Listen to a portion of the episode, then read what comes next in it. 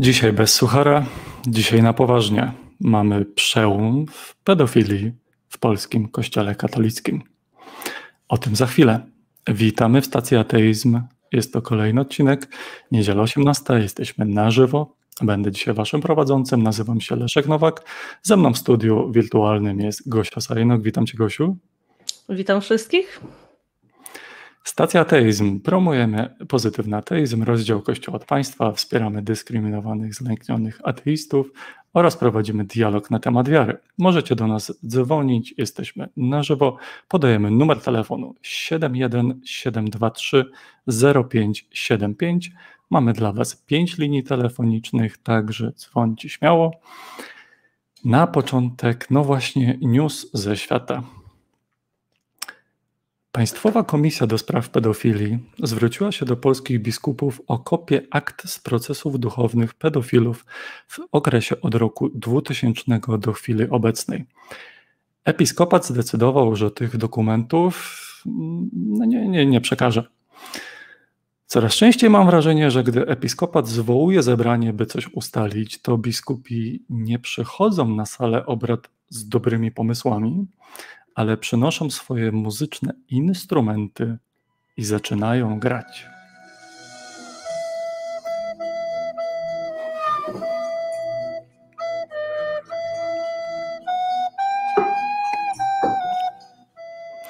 Ktoś może powiedzieć: Oj, tam Leszek, przesadzasz.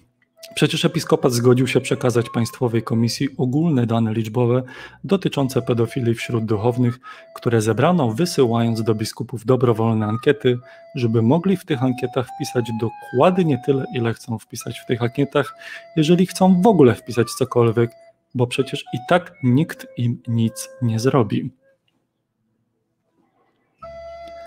No faktycznie, może przesadzam, Dobrowolne ankiety w rękach biskupów to jest dokładnie to, czego aktualnie potrzebujemy w Polsce, by rozwiązać gigantyczny problem systemowego ukrywania pedofilii przez katolickich duchownych. Ja rozumiem. Kościół nie bardzo lubi słuchać tego, co osoby niewierzące mają do powiedzenia w kwestii problemów w kościele, i głosy ateistów brzmią dla biskupów jak ta wspaniała muzyka lecąca w tle, czyli najchętniej chcieliby się tego pozbyć. Okej, okay, no to może niech Kościół posłucha tego, co do powiedzenia na temat problemów Kościoła mają osoby wierzące, katolicy. Tylko prawda nas wyzwoli, to zbiór dziesięciu mocnych rozmów Tomasza Terlikowskiego z osobami, którym zależy na oczyszczeniu Kościoła z jego aktualnych problemów, chorób i wypaczeń. A bywają to problemy tak złożone, jak chociażby ten. Ksiądz nie może mieć żony i jest to bardzo istotne dla funkcjonowania Kościoła. Od 30 do 50% księży to homoseksualiści, więc zakaz posiadania żony jest dla tych księży jakby to powiedzieć, bezsensowny. Spada liczba nowych powołań, seminaria pustoszeją, no to może warto by znieść zakaz posiadania żony?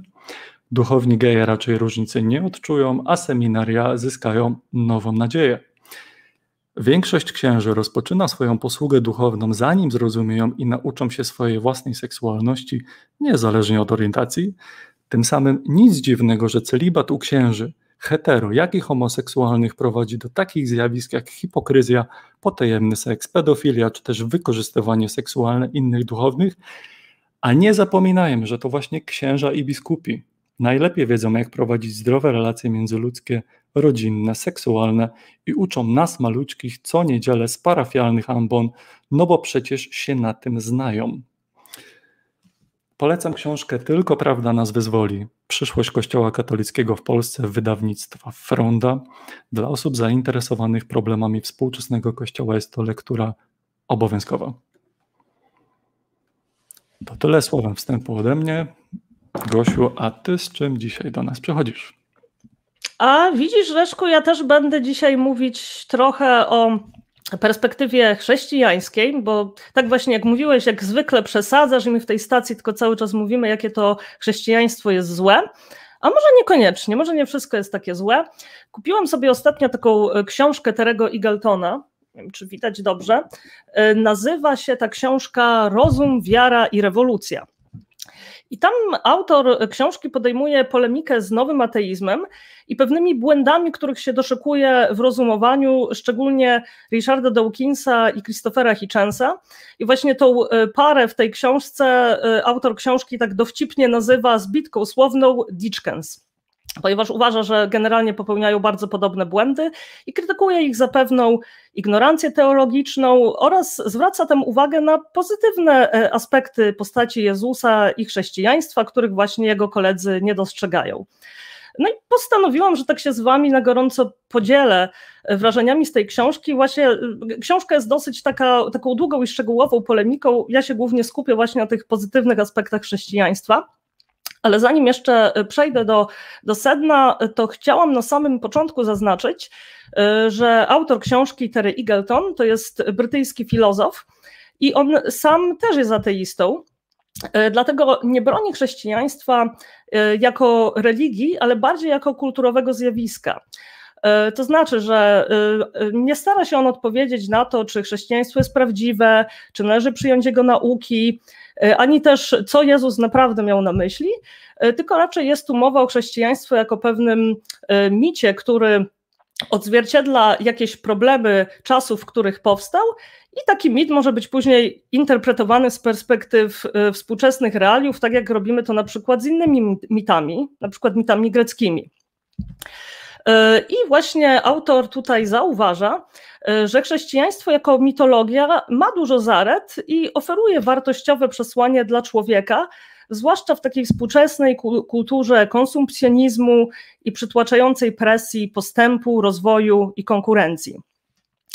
E, I tak właśnie jak mówiłam, e, teraz opowiem Wam trochę właśnie jakie pozytywne aspekty chrześcijaństwa Terry Eagleton wymienia, Zestawię je potem z odpowiednimi fragmentami Nowego Testamentu i na koniec opowiem Wam trochę, co ja o tym myślę, z czym się zgadzam, z czym się nie zgadzam. No i jak się ma e, też do, do całej tej interpretacji e, autora faktyczne życie w kościołach chrześcijańskich. E, dobrze, to zaczynamy. Chciałam zacząć od tego, E, że e, Eagleton postrzega postać Jezusa e, w sposób bardzo pozytywny. I posłużę się tutaj cytatem z książki, jak właśnie Eagleton go opisuje.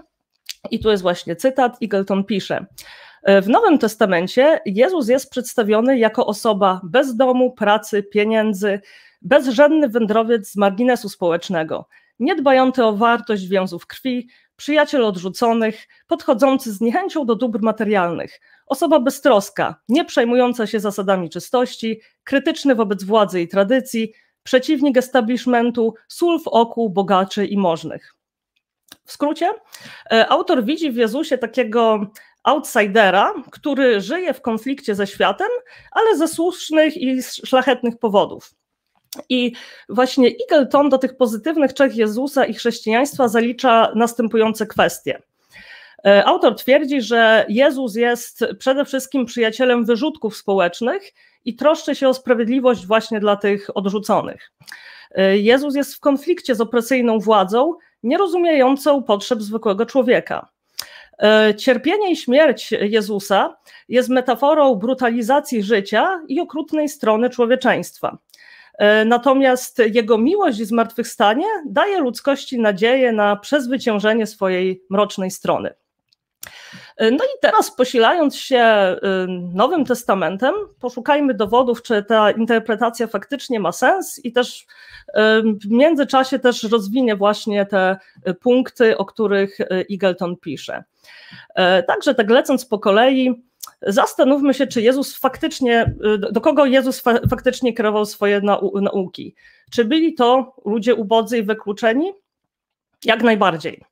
Y, uczniowie Jezusa są osobami z nizin społecznych i jedno ze słynniejszych karzeń Jezusa, czyli osiem błogosławieństw, jest skierowana do ubogich w duchu, do tych, co płaczą, do cichych, do tych, co łakną sprawiedliwości, do miłosiernych, do ludzi czystego serca oraz do prześladowanych. E, faktycznie też e, Jezus mocno i otwarcie krytykuje ówczesny establishment e, jako kogoś, kto nie dba o potrzeby ludzi. I mamy tu też cytaty z Nowego Testamentu. Na przykład strzeżcie się uczonych w piśmie, z upodobaniem chodzą oni w powłóczystych szatach, lubią pozdrowienia na rynku, pierwsze krzesła w synagogach i zaszczytne miejsca na ucztach. Lub inny cytat, biada wam uczeni w piśmie i faryzeusze.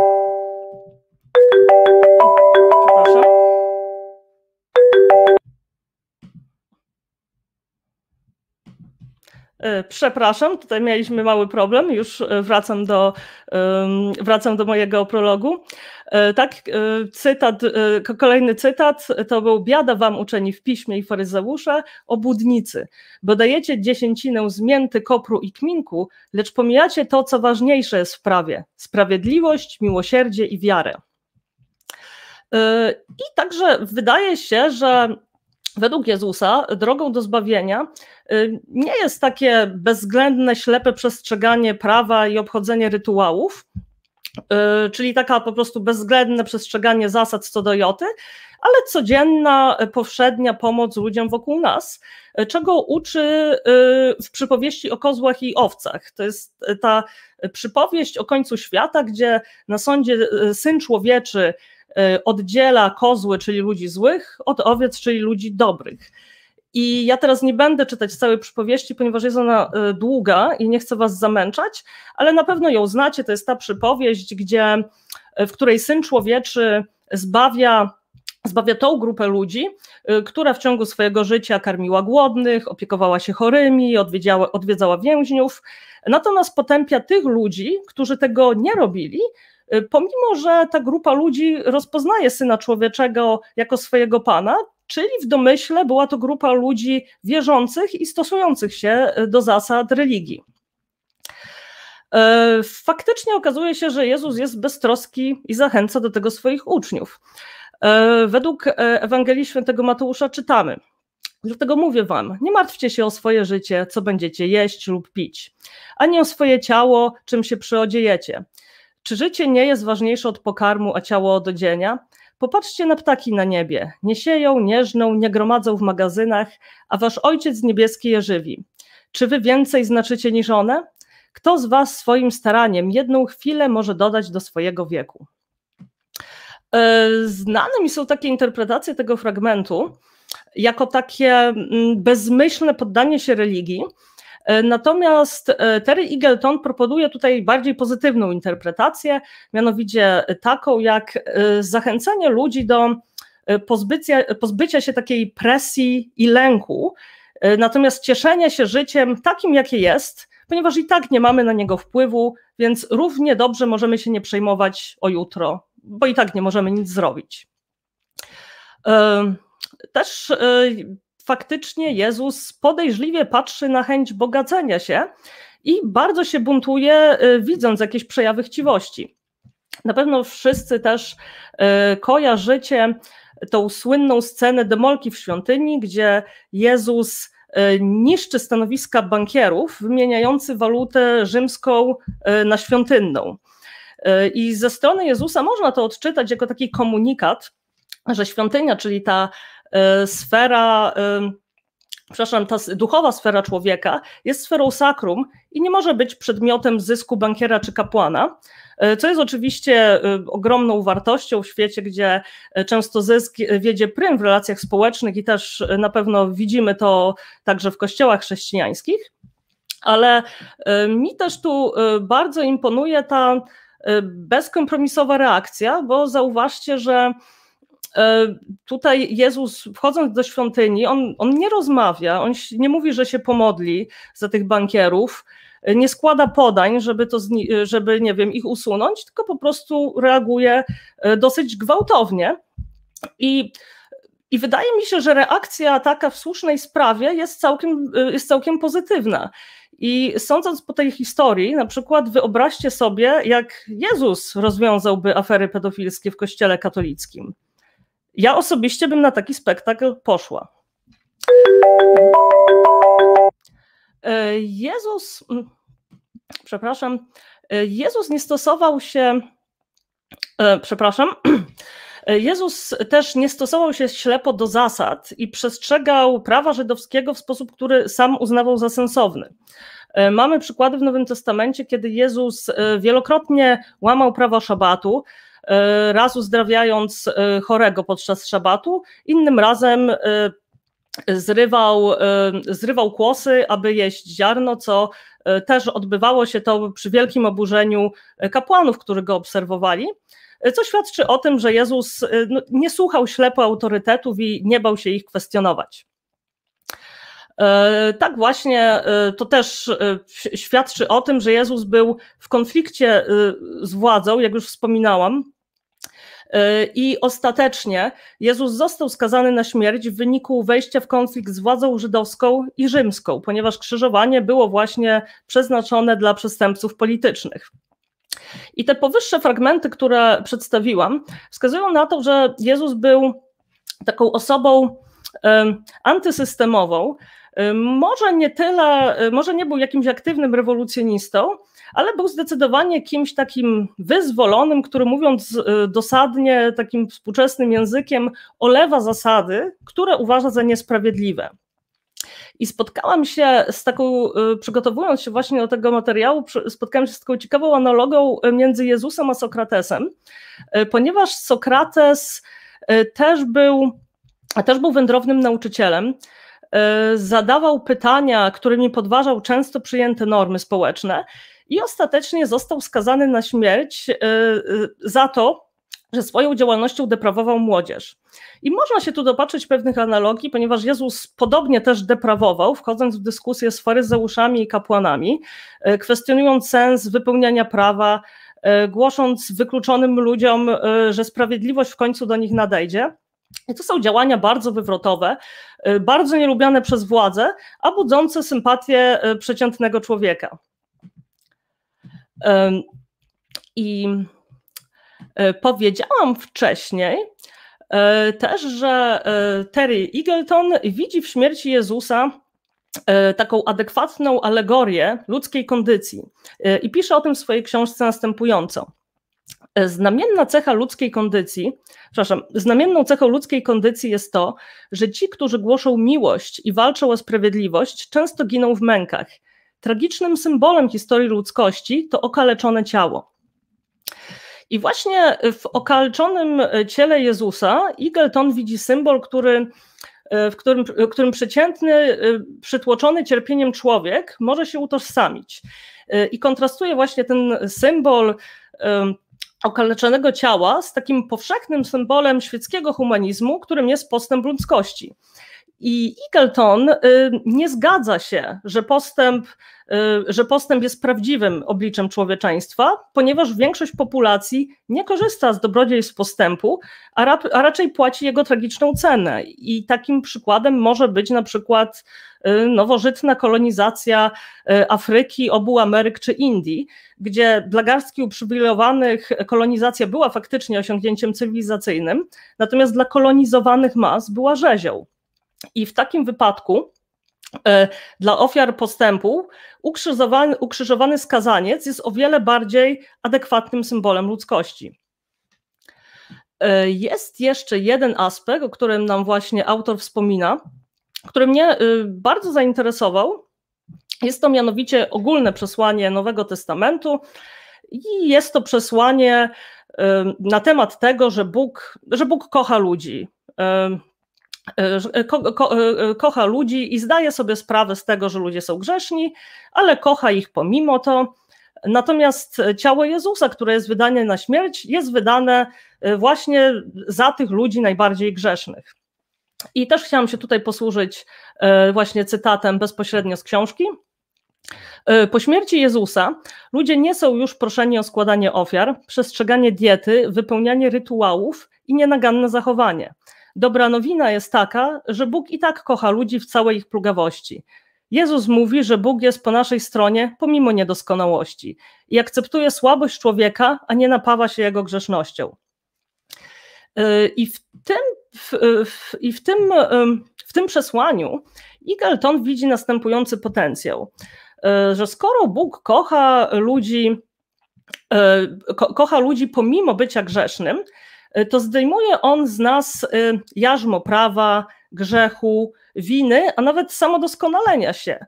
Bo skoro y, jesteśmy kochani mimo wszystko i nie możemy sobie zapracować na nasze zbawienie przestrzeganiem zasad albo obchodzeniem jakichś rytuałów, to logicznie świadczy to o tym, że y, każdy człowiek jest dobry taki, jaki jest, nasza natura jest właściwa, zgodna z wolą Bożą i możemy się po prostu zrelaksować i cieszyć się życiem.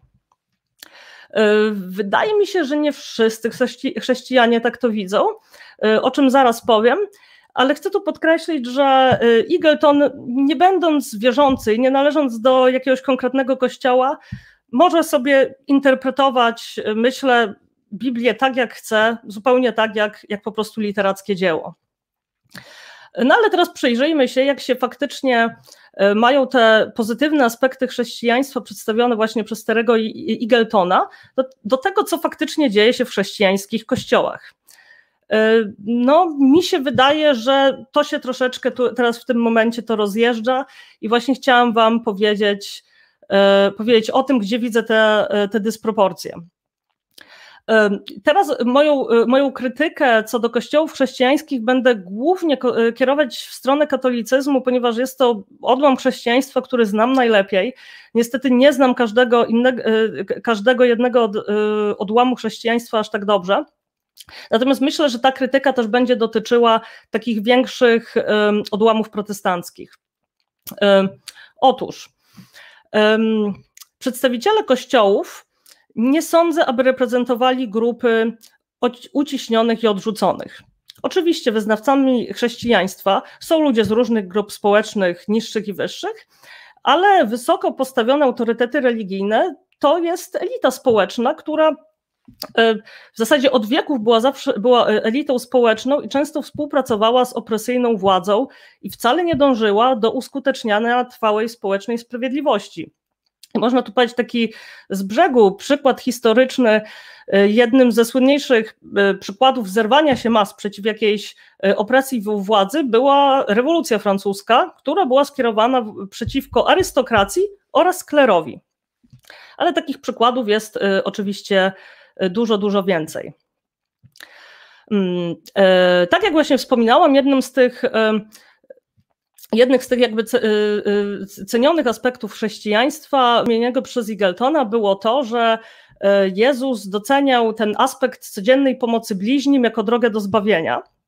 Natomiast nie wydaje mi się, aby ten aspekt był ceniony w zorganizowanych religiach. I oczywiście bycie tak zwanym dobrym człowiekiem, cokolwiek to znaczy, jest w, pewnie, w pewnym stopniu dla religii wartością, ale o, ale o wiele ważniejsze w religii jest przynależność do grupy. I w katolicyzmie na przykład y, to, co czyni nas katolikami, to jest przede wszystkim wyznawanie credo, przyjmowanie sakramentów, uczestniczenie w rytuałach. Y, natomiast wszystkie te trzy rzeczy, które wymieniłam, z perspektywy Jezusowej przypowieści o kozłach i owcach, są zupełnie zbędne do zbawienia. Teraz mamy kwestię chciwości i stawiania pieniędzy na pierwszym miejscu oraz czerpania, e, oraz czerpania finansowych korzyści z działalności religijnej.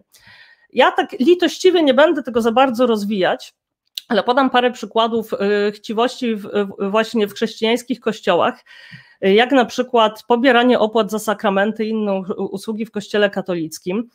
E, teleewangeliści naciągający wiernych na, na przeróżnego rodzaju dotacje. E, czy jest też taki przykład bardziej, e, on jest bardziej związany z protestanckimi przekonaniami.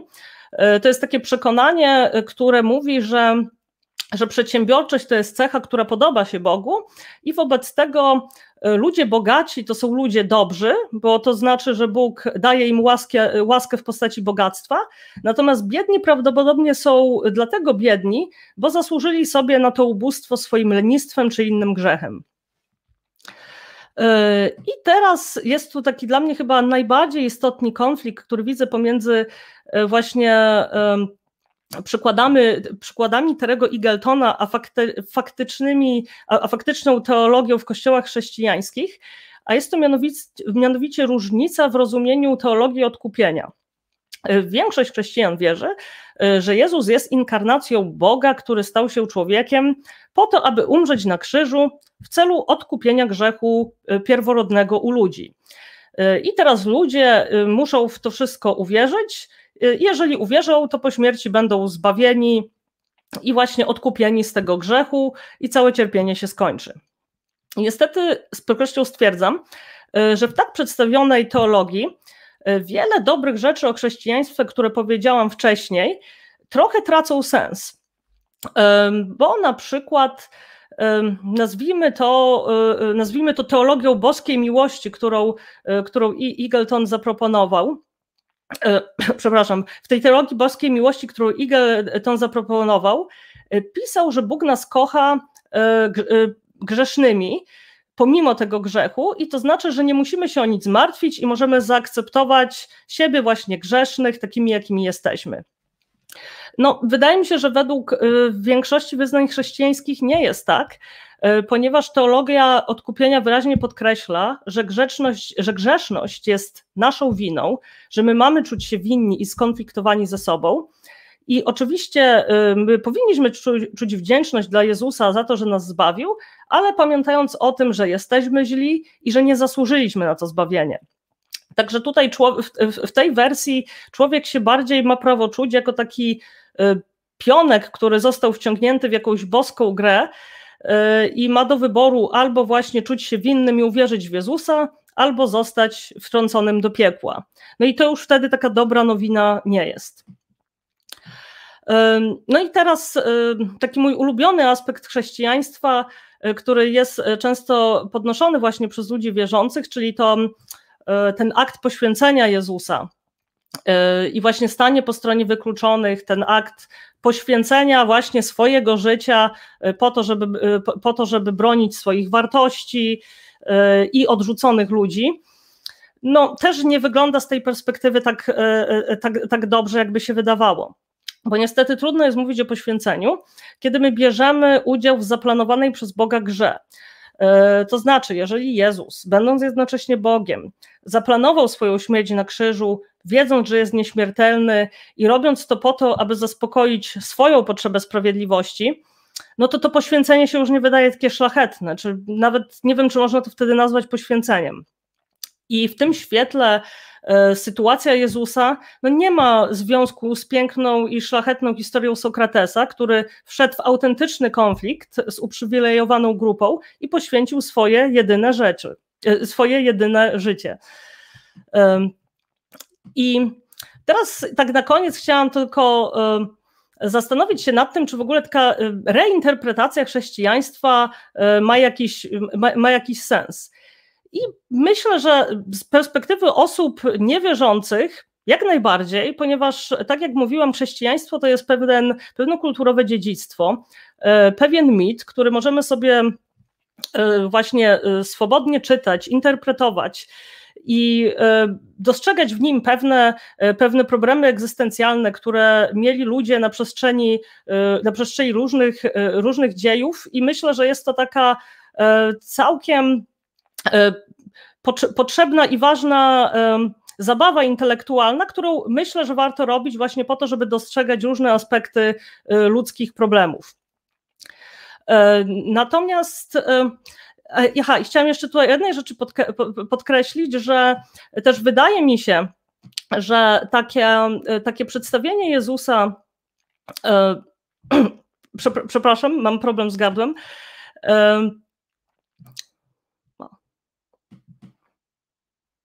Momencik, trochę coś mi zjecha, zjechał mi, przepraszam, odrobinkę scenariusz i się pogubiłam z tym, co wam chciałam powiedzieć, ale już, e, już to mam.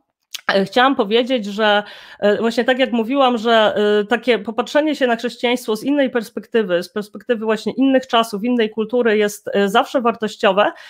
I myślę, że nawet jeżeli to jest niezgodne z, z powszechnymi teologiami religijnymi, E, to e, fajnie spojrzeć właśnie na Jezusa na jako taką inną postać. I właśnie ta postać Jezusa, którą tutaj prezentuje Terry Eagleton, która przypomina takiego trochę e, buntownika, anarchistę, jest interesująca. I też uważam, że my nie powinniśmy sobie dać wmówić przez inne powszechnie działające kościoły chrześcijańskie, że te kościoły mają jakiś e, monopol na mit o Jezusie. My wszyscy możemy z tego, e, z tego mitu korzystać i czerpać. Myślę też, że takie sięganie do innych interpretacji chrześcijaństwa jest też wartością dla ludzi religijnych, jak najbardziej, ponieważ to też może poszerzyć ich horyzonty i pomoże im w dostrzeżeniu może pewnych, pewnych nieścisłości i sprzeczności w ich, w ich własnej religii. Ale chciałabym tu y, ostrzec przed jedną rzeczą, mianowicie taką, że często osoby będące w jakiejś religii, y, będąc na takim e, etapie poszukiwania, y, żyją w konflikcie często ze swoim kościołem. Ja na przykład byłam taką osobą i pewne rzeczy mnie w kościele katolickim bardzo oburzały, ale miałam takie przekonanie, że a, że właśnie przeczytałam coś właśnie trochę bardziej alternatywnego na temat chrześcijaństwa, więc uznawałam, że to, co ja przeczytałam, to jest e, prawdziwe chrześcijaństwo, e, to jest prawdziwa interpretacja e, katolicyzmu i to, że ona nie jest zgodna z tym, co ja słyszę w kościele, to jest w porządku, ja sobie mogę w tym kościele siedzieć, bo mam swoją własną interpretację. I to jest właśnie taka pułapka tego słynnego wierzenia po swojemu, ponieważ my się nigdy nie dowiemy, co Jezus myślał, co naprawdę powiedział, e, jak chciałaby jego słowa były interpretowane i czy współczesne kościoły chrześcijańskie by mu się podobały. Tego się nie dowiemy. Ale bardzo łatwo możemy się dowiedzieć, jak na przykład e, Kościół katolicki e, definiuje swoją teologię, jak on interpretuje chrześcijaństwo i na jakich zasadach chce, aby jego wierni żyli i wyznawali to chrześcijaństwo. I w związku z tym, jeżeli my się zapisujemy do jakiegoś kościoła, to my musimy to my jednak musimy przestrzegać tych zasad i swoją przynależnością do tej instytucji dajemy pewne takie świadectwo, że zgadzamy się z przesłaniem tej instytucji. Także tu chciałam przed tym y, ostrzec ludzi, którzy może słysząc mój, mój, prolog myślą sobie, że o właśnie, że to są te sentymenty, które mnie trzymają w kościele katolickim, pomimo, że ja nie za bardzo lubię, co tam się dzieje. Muszę tutaj was ostrzec, że to jest, że, że to jest, że to jest dosyć niebezpieczne i jeżeli nie akceptujemy zasad Kościoła katolickiego, na, na przykład katolickiego, tak jak jest to właśnie opisane w ich katechizmie, no to nie jest, nie, nie, nie, powinniśmy, nie, nie, powinniśmy tu robić jakichś dodatkowych naszych interpretacji i udawać, że one są zgodne z tym, e, co mówi Kościół katolicki. E, myślę, że to jest generalnie tyle ode mnie. Jestem bardzo ciekawa, co wy o tym myślicie. Czy może teraz słuchają nas ateiści, którzy też doceniają jakieś elementy chrześcijaństwa, pomimo że religijni nie są? Jestem też bardzo ciekawa, co osoby wierzące myślą na ten temat i e, czy zgadzają się z niektórymi e, aspektami tego, co, co napisał Terry Eagleton, czy może ich oburza właśnie taka wizja Jezusa, buntownika, anarchisty. Zapraszam wszystkich do dyskusji. Dzięki Gosiu za wstęp. No właśnie, mm, czy da się pogodzić katolicyzm z brakiem cierpienia, z brakiem niesienia krzyża? Tutaj, tutaj chciałbym e, zaczepić wątek, bo chociażby w książce Tylko Prawda nas wyzwoli, e, w rozmowie z księdzem profesorem Andrzejem Kobylińskim jest fragment, w którym e, analizuje on zjawisko pentekost, pentekosta, trudne słowo pentekostalizacji, czyli uzielonoświątkowienia chrześcijaństwa i jak to się ma do katolicyzmu. Dla przypomnienia, w zielonoświątkowej wersji chrześcijaństwa, czyli niekatolickiej, koncepcja życia religijnego to zdrowie, szczęście, powodzenie życiowe e, wynikają z Bożego błogosławieństwa, w praktyce naucza się, że jeśli wystarczająco silnie wierzę, to będę szczęśliwy, zdrowy i bogaty, a jeśli taki nie jestem, to znaczy, że za mało Bogu zaufałem. To myślenie zielonoświątkowe e, wlało się do polskich seminariów, e, do wielu polskich parafii i w jaki sposób na to reaguje Watykan? Na tą, wiecie, dobrą, pozytywną nowinę, e, jak będziesz żył tak i tak religijnie, to będzie w Twoim życiu dobrze. Bardzo prosty, bardzo pozytywny komunikat. Co na to Watykan? Czy się ucieszył z tego, czy niekoniecznie? W lipcu 2018 roku na łamach prestiżowego pisma włoskich jezuitów, które jest bezpośrednio nadzorowane przez watykański, watykański sekretariat stanu, ukazał się artykuł pod tytułem Teologia dobrobytu niebezpieczeństwo innej Ewangelii. Jak autorzy piszą, e, nie, nie wolno ograniczać nauki Ewangelii do dobrego, przyjemnego życia tu na ziemi. Chrześcijaństwo to także cierpienie i krzyż. I tym samym katolicyzm aktualnie na, na skalę globalną, przy tych wszystkich swoich problemach, które ma, e, o których tutaj czasami rozmawiamy, mm, staje przed wyborem, przed pytaniem, czy dalej kontynuować ten kult cierpienia, przy tym jak konkurencja w środowisku się ewidentnie wyłania, chociażby w postaci zielonoświątkowych chrześcijan, i w Polsce faktycznie coraz więcej widać tego typu nabożeństw, i nic dziwnego, że wierni tam się garną, bo jest o wiele bardziej pozytywna sytuacja, o wiele mniej moja wina, moja wina, moja bardzo wielka wina. Ten akcent jest przesunięty na, na stronę pozytywną życia. E, z mniejszym tym elementem kultu cierpienia. I jeżeli katolicyzm, e, to są rozważania z tej książki, strasznie polecam. Jeżeli Kościół katolicki ustali, że dajmy na to, odkładamy wątek cierpienia na bok i nie oczekujemy, nie wymagamy tego od swoich wiernych, no to czym się będzie różnił od swojej konkurencji, która już prężnie się rozwija? To jest to pytanie. W jakiej formie Kościół katolicki w ogóle przetrwa? Czy inaczej, Kościół katolicki jako organizacja na pewno przetrwa i też, też, te, też to są głosy z książki. Tylko pytanie brzmi, czy katolicyzm taki, jaki dzisiaj znamy, przetrwa? Niezależnie od tego, czy organizacja przetrwa. Um, bo kiedyś pierwsi apostołowie byli, no w skrócie, pr prostymi ludźmi, e, którzy wraz z Jezusem m, jakby wojowali swoje otoczenie i byli e, m, szukam słowa, e, no byli ograniczani przez władzę, jakby oni nie byli tą władzą, tylko tymi podwodnymi. Mała sekta nie? walcząca. No, powiedzmy mała sekta walcząca i mamy misję, mamy komunikat, e, manifest i, i zbierali wokół tego wiernych, chętnych. I jasna sprawa, to, to jest mechanizm znany stary jak świat. I w pewnym momencie e, mamy dwa, 2021 rok. Biskupi w Polsce w żaden sposób nie wydają się być ciemiężeni przez władzę, a wręcz przeciwnie, żyją w niesamowitym luksusie, w niesamowite komitywie z władzą, z politykami, jakby wszyscy to widzimy i, i, i chyba powoli mamy tego dość. A dalej e, konwencja, komunikacja oblężonej twierdzy i my jesteśmy cały czas tymi ciemiężonymi pozostała. I to jest dzisiaj bardzo groteskowe i absurdalne połączenie, w jaki sposób przy takim dobrobycie dalej możesz się upierać, że ty jesteś tym, który ma gorzej w społeczeństwie. I nie wiem, w jaki sposób to się łączy.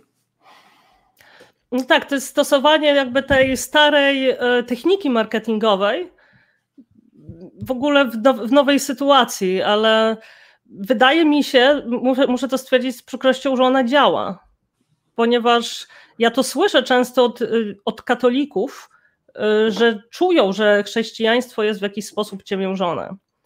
Y, I wyda wydaje mi się, że to jest o tyle. Um, ja myślę, myślę, że to może mieć dlatego miejsce, że bardzo często. Um, nawet, kiedy mamy grupę uprzywilejowaną, to ona generalnie przyzwyczaja się do swoich przywilejów, tak jakby to była norma, i w momencie, kiedy ktoś im chce zabrać przywilej, to odbiera to jako opresję.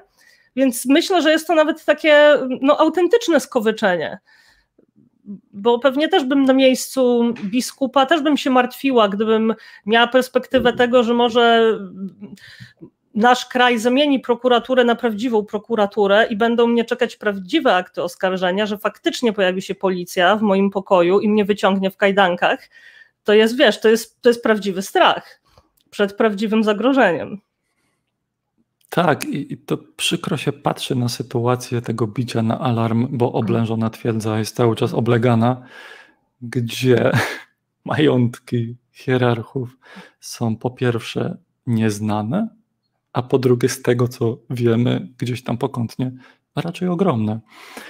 Um, to tak, to tak słowem komentarza na bieżąco. A może przejdziemy do telefonów. Jak najbardziej. Dobra. Dzwoni do nas. E, oj. E, Iwona, prośba do ciebie. E, zadzwoń proszę jeszcze raz, bo coś, coś na linii chyba rozłączyło u ciebie.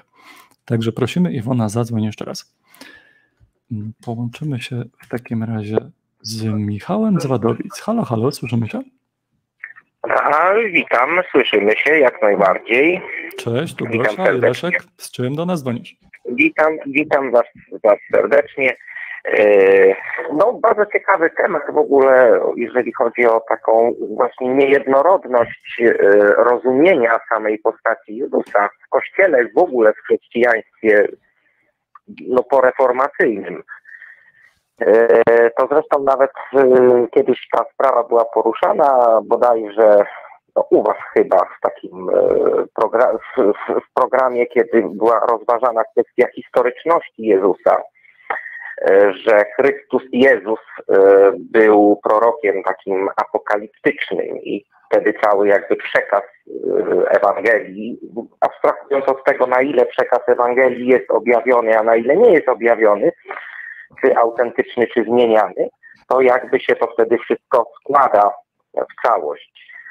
Wszystkie te rzeczy, które Jezus mówi przeciwko jakby operatorom religii judaistycznej w ówczesnej Palestynie, w ówczesnym e, kraju żydowskim, e, to jest e, no jakby takie spójne wtedy wszystko.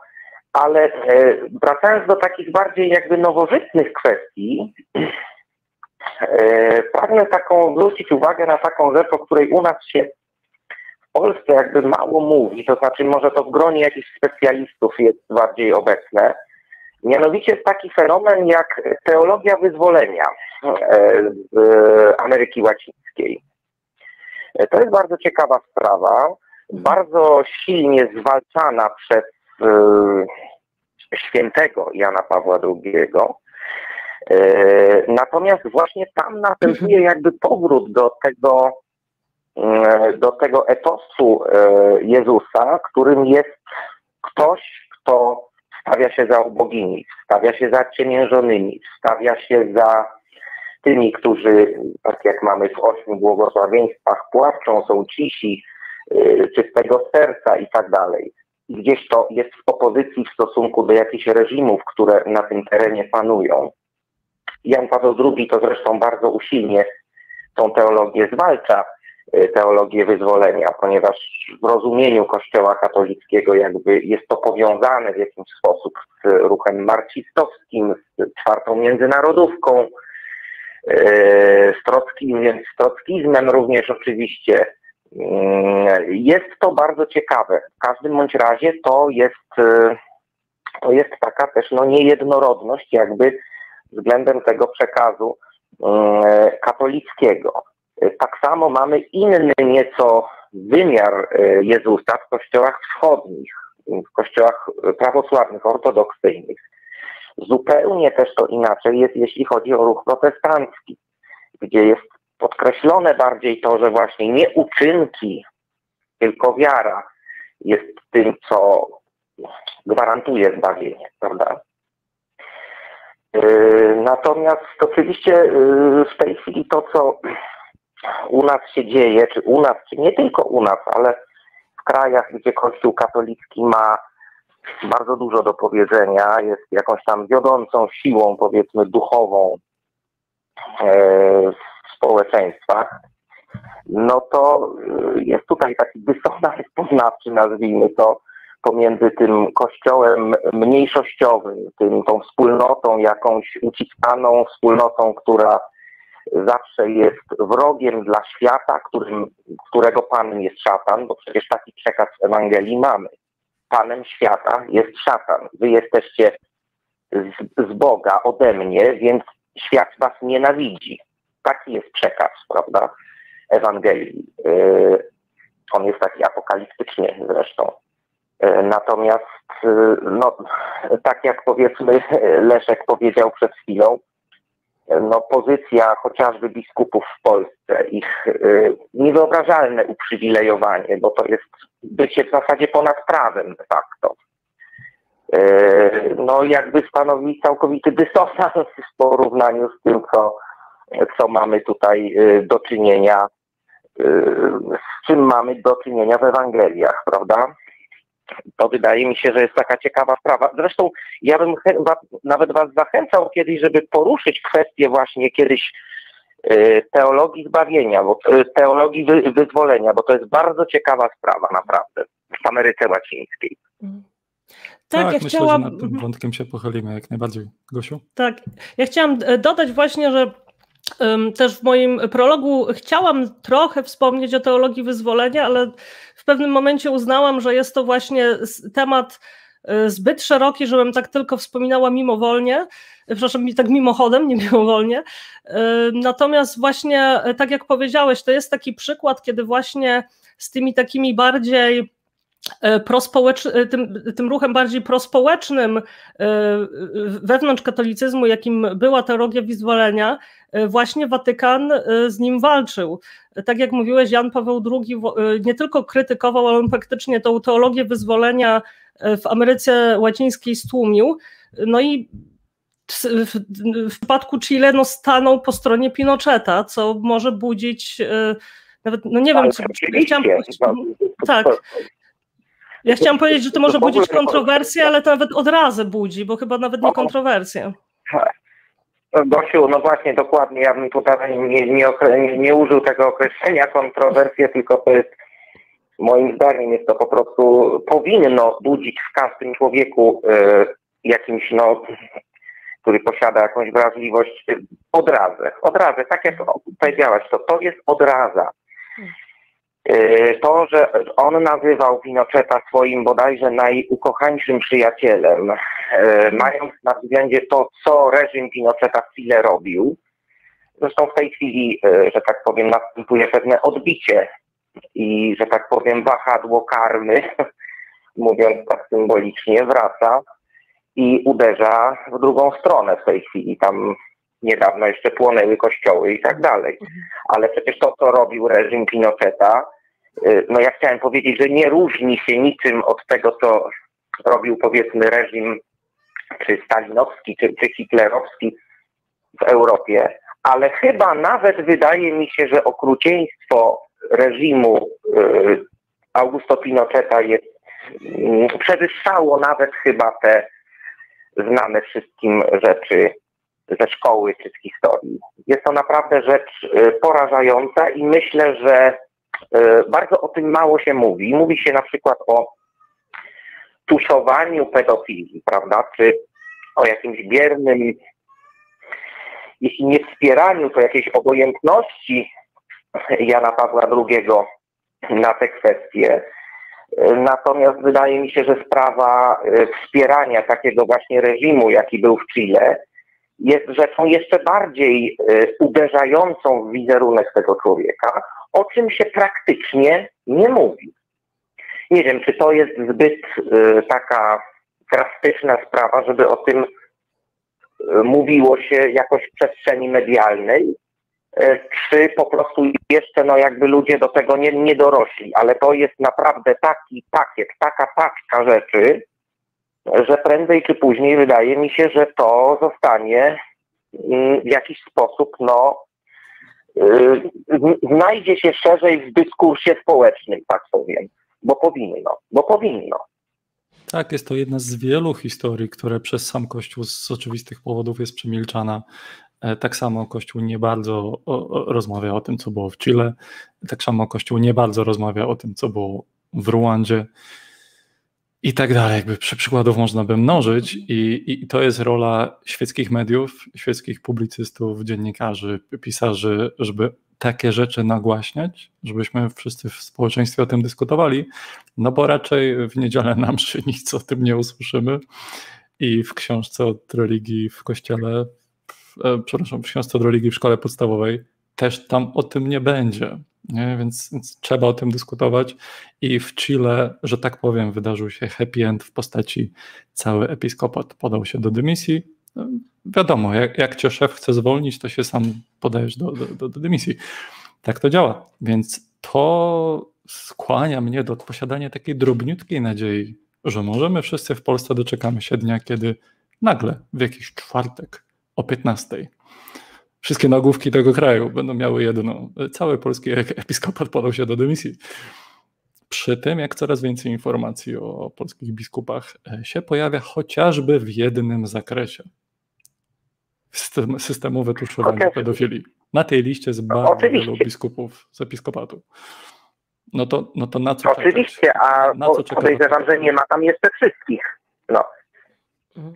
Jest wielu, ale prawdopodobnie nie wszystkich jeszcze. Natomiast ja wam powiem jeszcze jedną rzecz taką. E, moja siostra, która mieszka w Niemczech no, bardzo długo już, e, uznaje się za katoliczkę, e, chodzi do kościoła, czasem na polskie msze, czasem na niemieckie msze. Tam to troszeczkę wszystko inaczej wygląda. Kraj, znaczy Niemcy, tak powiedzmy, pół na pół są katolickie, w drugiej połowie są protestanckie. E, tam oczywiście episkopat wybrał tak zwaną drogę synodalną e, po, po Amoris Laetitia e, papieża Franciszka. I w tej chwili doszło tam do takiej sytuacji, że 10 maja odbyły się takie, z tego co, co wiem, co ona mi mówi co gdzieś tam przeczytałem, jakieś powiedzmy takie błogosławienia par niesakramentalnych, w tym również par y, osób tej samej płci. I to, że tak powiem, e, było bardzo promowane i e, że tak powiem, no, akuszerami tego, tego, tego zdarzenia, no, w zasadzie wiekopomnego na skalę Kościoła katolickiego, była duża część niemieckiego episkopatu. Natomiast y, oczywiście to w gazetkach parafialnych, gdzieś tam na tablicach ogłoszeń y, były wywieszone różnego rodzaju takie odezwy, które o tym informowały.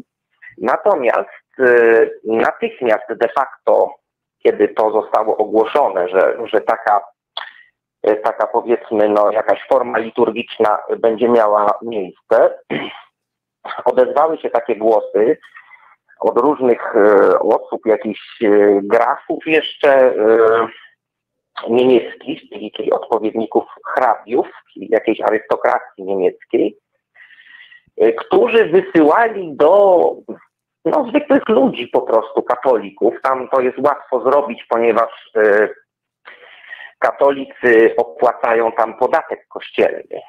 Będąc członkiem kościoła katolickiego płaci się podatek kościelny, na Kościół. Ci, którzy nie są w Kościele, tego podatku nie płacą. Państwo niemieckie jakby domyślnie umieszcza każdego w y, Kościele, natomiast potem oczywiście w chwili, jeżeli człowiek się z tego Kościoła wypisze, przestaje płacić y, ten podatek. W związku z czym tym ludziom było stosunkowo łatwo dojść do osób, które są czynnymi katolikami, z takimi listami, e, które żądają od nich e, stanięcia po stronie Rzymu, e, odseparowania się ideologicznego czy wspólnotowego od tej właśnie postępowej części episkopatu, która zamierza stworzyć jakby taki narodowy, państwowy kościół Niemiec, który już nie będzie miał łączności jakby czy nie będzie mieć pełnej łączności z Rzymem, ze stolicą apostolską. Także ta schizma w Kościele dzieje się de facto na naszych oczach. Tam już jest pełen rozkład. Oczywiście najczęściej jest tak, że to jest te wszystkie mm, powiedzmy kwestie łączności z Rzymem i tak dalej mm, jakoś są bardziej związane z ludźmi, którzy powiedzmy, no to taka tradycja chyba, którzy powiedzmy wspierają partię AfD, Alternative für Deutsche, mm, czyli powiedzmy tak, no jakichś tam neofaszystów powiedzmy. Zresztą tą partię wspiera bardzo dużo Polaków, którzy mieszkają w Niemczech, co samo w sobie jest bardzo ciekawą sprawą. E, natomiast ta schizma się jakby dzieje na naszych oczach. E, u nas zresztą w pewnym sensie też się dzieje. Bo przecież też u nas są jakieś osoby duchowne, powiedzmy, które są niepokorne. No, osławiony ksiądz Boniecki, czy ksiądz Lemański, czy mniej może znany e, człowiek taki jak e, ksiądz Koszajca, czy ksiądz Prusak, czy e, powiedzmy ksiądz Chryniewieski od e, apokatastazji, tej teorii, prawda, że wszyscy zostaną zbawieni, a piekło jest puste.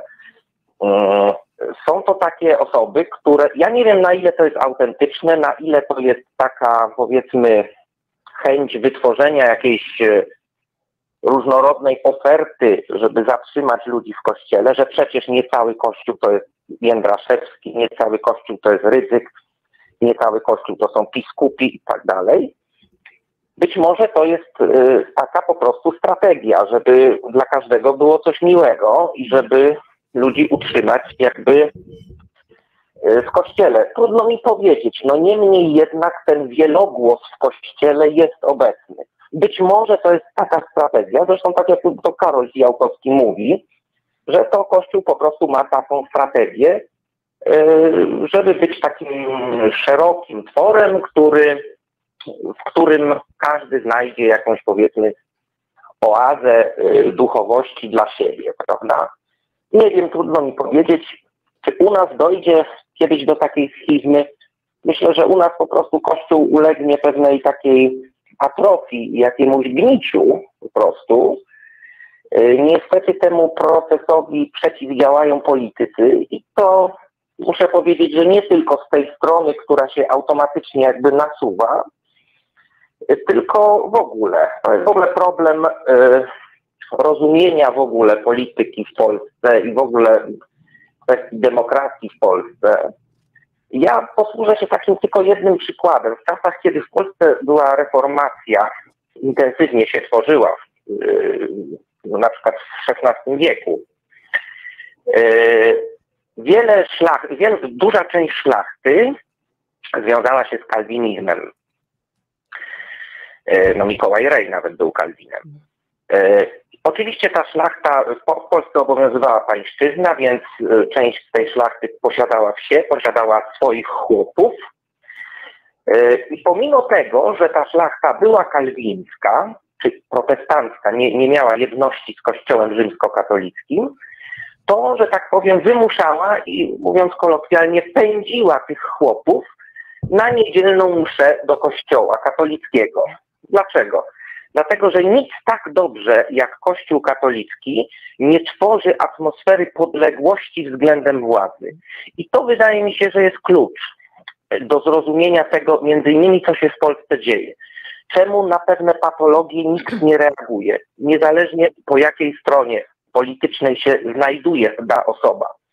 Ja nie mówię oczywiście o jakichś tam konkretnych osobach, które powiedzmy robią dobrą robotę, nagłaśniają te kwestie i tak dalej, ale gdzieś mam takie wrażenie, że istnieje taki ponadpartyjny, ponadpolityczny system uprzedzenia do tego, żeby nie podkopywać autorytetu Kościoła, ponieważ y, z autorytetu Kościoła bierze się autorytet władzy, a utrata autorytetu dla władzy no to jest niebezpieczna sprawa dla władzy, przynajmniej tak rozumianej, jak u nas w Polsce działa, że jest po prostu chłop pańszczyźniany, który patrzy na dziedzica i podziwia jego karetę. I to jest jego źródło dumy. Nie to, że on jest wolny, nie to, że sam się bogaci, nie to, że mu się w życiu wiedzie, tylko spójrzcie, jakiego mamy wspaniałego dziedzica, jaką on piękną jeździ karetą. I niestety podejście ludzi w Polsce, dużej części do władzy jest właśnie takie. Dlatego i myślę, że tutaj, znaczy ja to bardzo, że tak powiem, tak konturowo zarysowałem ten problem. Nie wiem, czy ktoś się tym zajmował, czy ktoś to w taki sposób analizował. Natomiast wydaje mi się, że coś no, z, tego, z tego w każdym razie tutaj jest. Tak, myślę, że na pierwszy rzut oka widać w Polsce, jak duży problem jest, kiedy Kościół z władzą żyje za pan brat. I nic dziwnego, że Kościół, który dogłębnie funkcjonuje w modelu niektórzy są wyżej, a niektórzy są niżej, no to siłą rzeczy bardzo łatwo to przeskalować na głosujcie w wyborach na tego i, i na tego. Ciężko z tym polemizować i, i myślę, że Twoje e, refleksje są, są trafne. E, myślę, Michale, że, że, że dzięki za, za komentarz, dzięki za Twoje trzy grosze w dzisiejszej dyskusji, e, byśmy jeszcze odebrali inne telefony, dobra? Jasne, trzymajcie się, wszystkiego dobrego Wam życzę, zdrowia, trzymajcie się zdrowo i ciepło. Dzięki. Wszystkiego Dzięki. Na dobrego. razie. No dzięki. Na razie. Cześć, cześć, hej. Jasne, trzyma się. A lecimy dalej.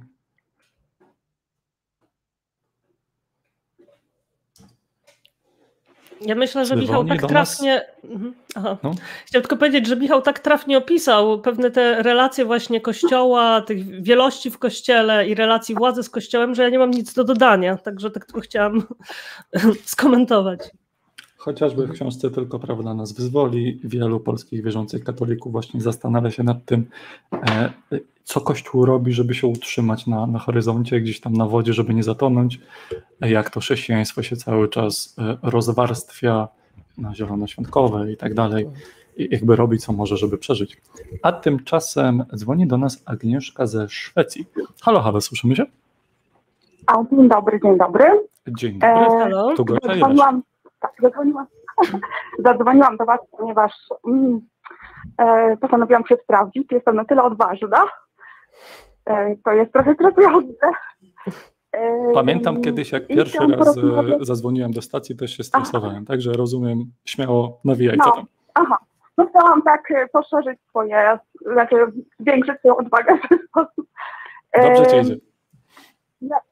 Mieszkam w Szwecji i tak e, słuchając e, tego, co mówiła Gosia, e, zaczęłam właśnie myśleć trochę o tym, o różnicy między katolicyzmem polskim a e, kościołem szwedzkim, e, który jest, e, mm, jak to nazwać, nie mało religijny, ale może mało teologiczny w tej chwili. Jest skierowany wbrew pozorom nie, nie na sprawy teologiczne, tylko na pomaganie ludziom w tym życiu teraz, które mają. I kiedy jeszcze byłam czy- czy to jest kościół- przyjechałam do Ja się Aha. chciałam tylko powiedzieć, czy to jest kościół katolicki, czy, czy jakaś odmiana protestantyzmu? Nie, ja mówię o e, Kościele Szwedzkim Narodowym. Mhm, Aha, E, O Kościele Szwedzkim Narodowym. Ja chciałam je Mhm. porównać jakby, jeśli chodzi... I, A, roz- i rozumiem. teoria jest taka, że, a, że w Kościele Szwedzkim Narodowym kobiety mogą być, e, jak to nazwać, księżmi, czy pastorami. I, I dlatego ten kościół rozwinął się tak, jak rozwinął. Że tego brakuje w Polsce, żeby w Polsce kobiety kościół katolicki dopuścił do, do tego, żeby były księżmi, to kościół by się totalnie zmienił. Bo tak się stało, mi się wydaje, tutaj w Szwecji. I to była zmiana narzucona przez państwo, to jest bardzo ciekawe, y, kiedy jeszcze Kościół nie był rozdzielony od państwa i wprowadził w latach 50. równouprawnienie i ponieważ e, e, bycie księdzem było bycie na urzędzie jakby państwowym, to narzucono Kościołowi, że kobiety też mogą być księżmi. No i w ten sposób to się wszystko zaczęło. Mm, Wbrew oporowi Kościoła wszystko się zmieniło, nastąpiło równouprawnienie i no jakoś fakt, że Kościół stracił dużo wiernych, dużo, dużo ludzi, którzy jeszcze są wierzący w Szwecji, wierzy bardziej tak e, ogólnie, wiem, powierzchownie, nie ma fanatyków i to też jest dobre chyba. Mm, No i właśnie to jest teoria, że, że kobiety to zrobiły w jakiś sposób. E, Bardzo no, ciekawy wątek. Chciałbym o coś dopytać. Tak. E, Czy to jest tak, że zawód ksiądz w Szwecji przed tą zmianą, o której mówisz, przed tym równouprawnieniem, był tak po Mhm. prostu zwyczajnie świecko traktowany przez państwo jako jeden z zawodów, który wymaga regulacji i państwo po prostu uregulowało i, i księża po prostu musieli się zastosować? Dobrze rozumiem? No tak, tak to wyglądało. E, Przez długie wieki w sumie e, państwo miało jakby władzę nad kościołem w Szwecji. Jakby kościół był jed- jednym z urzędów prawie, że można tak nazwać. E, Kiedy jeszcze chyba do pory tak Norwegii, jak mi się wydaje, nie jestem pewna. Ale rozdział kościoła państwa na- nastąpił dopiero w 2000 roku. Także e, Tak, tak w sensie formalnie, No, ale wcześniej już po prostu kulturowo, społecznie podporządkowany, tak. funkcjonował, tak? Mhm. I kiedy y, po II wojnie światowej w Szwecji wprowadzono jakby równouprawnienie na wszystkich urzędach państwowych, to y, z czasem też narzucono to kościołowi. To jest bardzo interesujące, że to nie, nie wyszło z, z kościoła jakby, tylko spoza kościoła, prawda? Bardzo ciekawa sytuacja. Mhm. Czy kojarzysz może, jak Watykan komentował tą sytuację? Czy tupał nóżkami, że tak spytam? Znaczy, Watykan nie miał nic do powiedzenia, ponieważ to był kościół protestancki, szwedzki narodowy, prawda? Nie katolicki, także A, i to się stało w latach 50. Także i, i jeśli chodzi o kościół katolicki w Szwecji, do którego jak przyjechałam wiele lat temu, to jeszcze na początku zdarzało mi się go odwiedzać, to kościół katolicki yy, zupełnie oczywiście, jak, jak się domyślacie, zupełnie inaczej funkcjonuje w Szwecji niż w Polsce. Z dużo większą dozą pokory, że tak powiem. E, Bo nie jest tym kościołem panującym. Chyba Ja siłą rzeczy w Szwecji muszą o wiele bardziej się starać i stawać na rzęsach, e, żeby wierni przyszli, a nie to, co w Polsce, że od urodzenia jesteśmy E, podani tak, na i tak to tutaj wygląda, mi się wydaje. Mhm. Że Kościół przyciąga y, taką pomocą y, codzienną, psychologiczną. Y, pastor jest prawie jak, jak, jakby takim psychologiem. Nawet ja nie wierząca mogłabym na przykład udać się do pastora i dostać poradę jakąś tam. Jeśli powiem, że nie jestem wierząca, to nie będzie to porada, porada teologiczna, tylko taka zwyczajna ludzka rozmowa. To mi się tu podoba, że nie ma takiego narzucenia tej wiary, tylko taka nadzieja, że może jednak ktoś się przekona, ale niekoniecznie. Ja się kiedyś też spotkałam z takim szokiem kulturowym. mhm, Przepraszam, w, w, Anglii właśnie, jak przyjechałam, miałam jednego znajomego Anglika, który był z katolickiej rodziny. No i ja właśnie tak z nim rozmawiałam i tak e, trochę się dziwiłam, że e, znaczy on chodził czasem do kościoła głównie ze względu na rodzinę, ale i tak tam czasem się dziwiłam właśnie, no, że czemu on chodzi do kościoła i on mówił, że a, że wiesz, bo katolicki kościół to jest taki fajny kościół, jest fajna społeczność, ludzie sobie pomagają. Ja tak sobie myślę, tak? Naprawdę? I byłam tym zdziwiona i tak się go zapytałam, że ale na przykład nie przeszkadza ci to, że no, że nie wiem, że mówią na przykład na kazaniach, e, że nie akceptują homoseksualistów, że mówią takie rzeczy, nie wiem, e, Mhm. nie wiem, o, o antykoncepcji, jakieś takie, czy dysk, dyskryminują kobiety. A on się tak zdziwił i powiedział, że, że gdyby takie rzeczy padły na kazaniach, to nikt by do kościoła nie przyszedł, bo po prostu jest, oni są bardziej skoncentrowani na tym, żeby wiernych przyciągać. Co też swoją drogą uważam, że nie jest do końca uczciwe, jeżeli e, w tej właśnie doktrynie katolickiej no, wyraźnie się mówi, że powiedzmy, no nie wiem, kobieta ma pewne swoje miejsce w hierarchii, że no, homoseksualista jest oczywiście no, wartościowym człowiekiem, ale o ile nie uprawia seksu homoseksualnego, także jeżeli unikają tych tematów, to też nie jest takie do końca y, uczciwe wobec, y, wobec doktryny i wobec wiernych. Nie, nie unikają tych tematów. Oni są e, za, za tym, żeby homoseksualiści przechodzili, nie krytykują homoseksualizmu, nie krytykują feminizmu, ponieważ większość ludzi tutaj, nie oszukujmy się, jest za tym.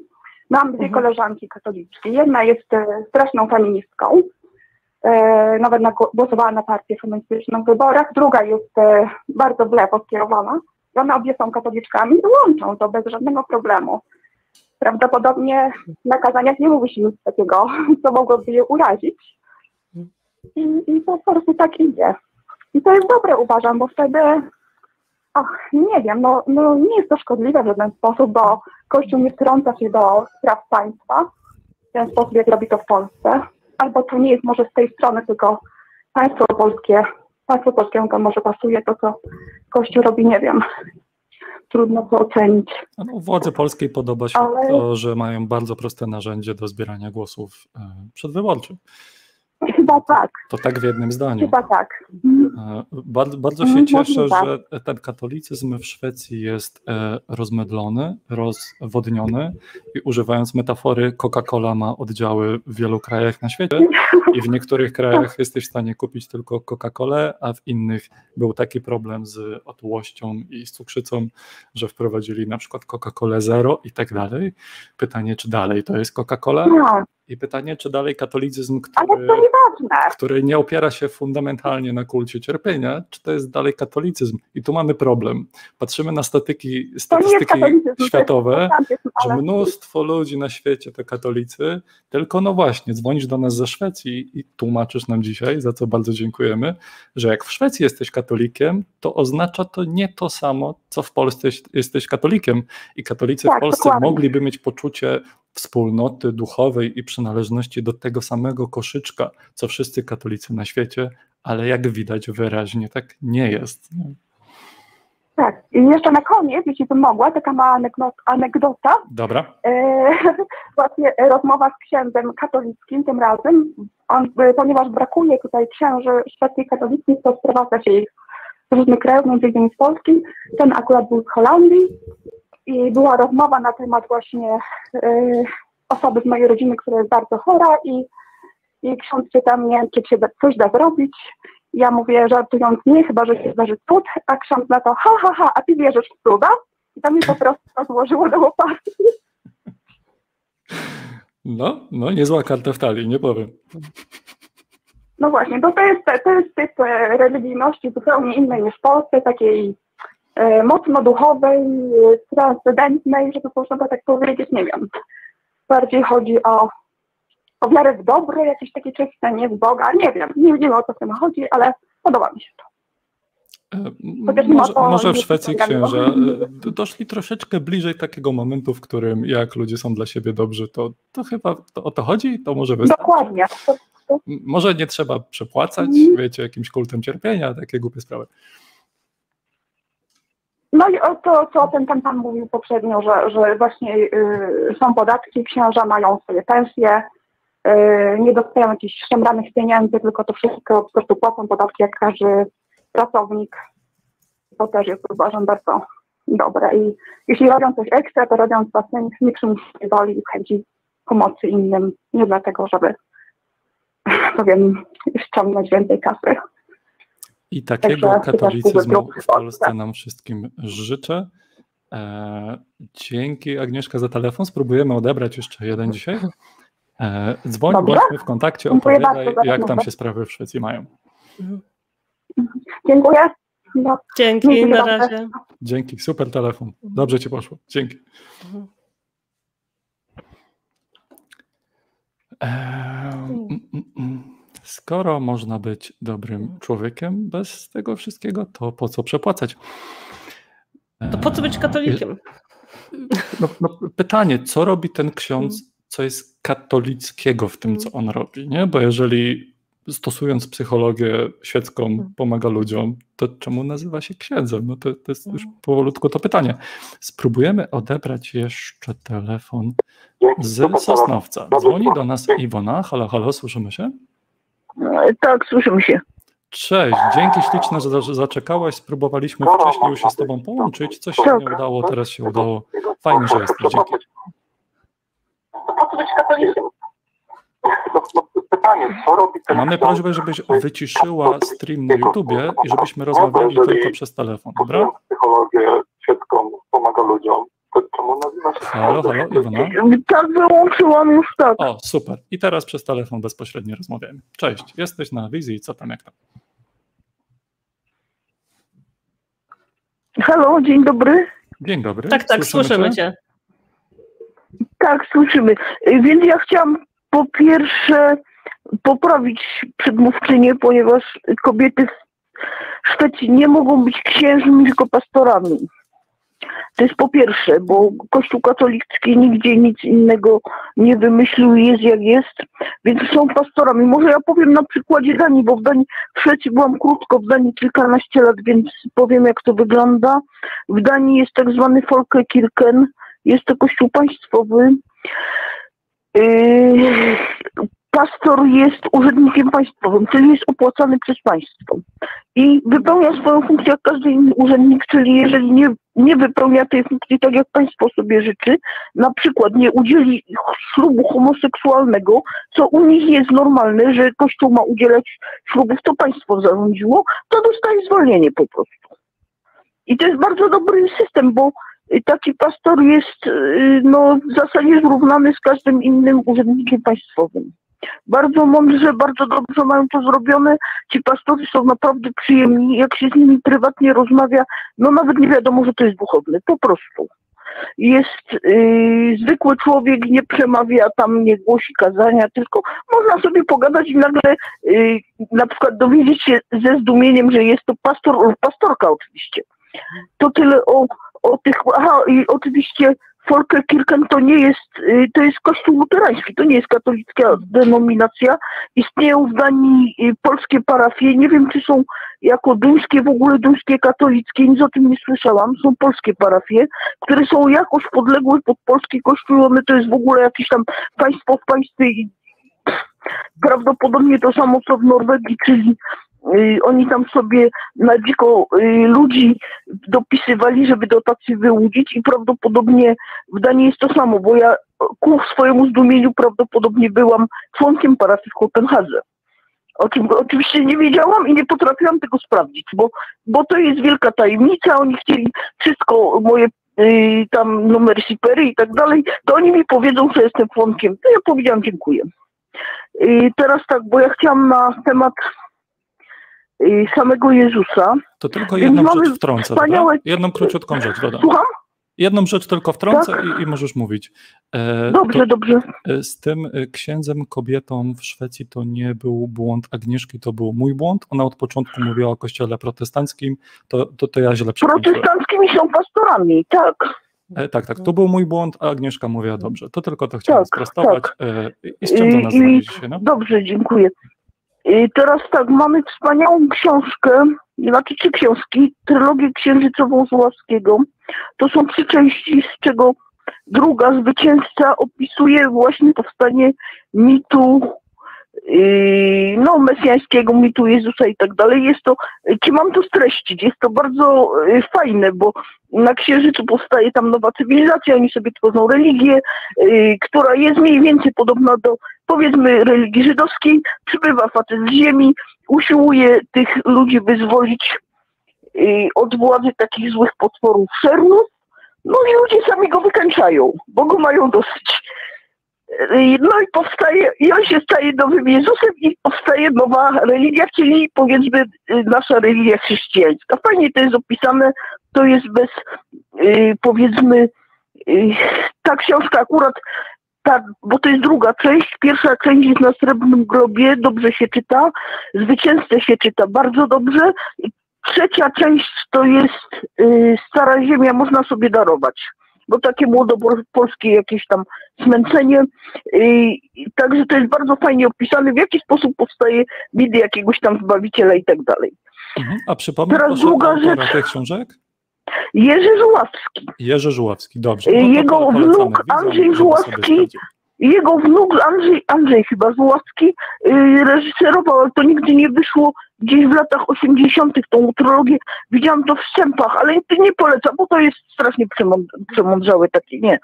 Yy, poza tym tak, bardzo dużo spraw yy, filozoficznych, religijnych, yy, chyba najważniejsza, odpowiedzialność twórcy za stwarzane, stwarzanie istot rozumnych i cywilizacji rozumnych opisywał już bardzo dawno Stanisław Lem.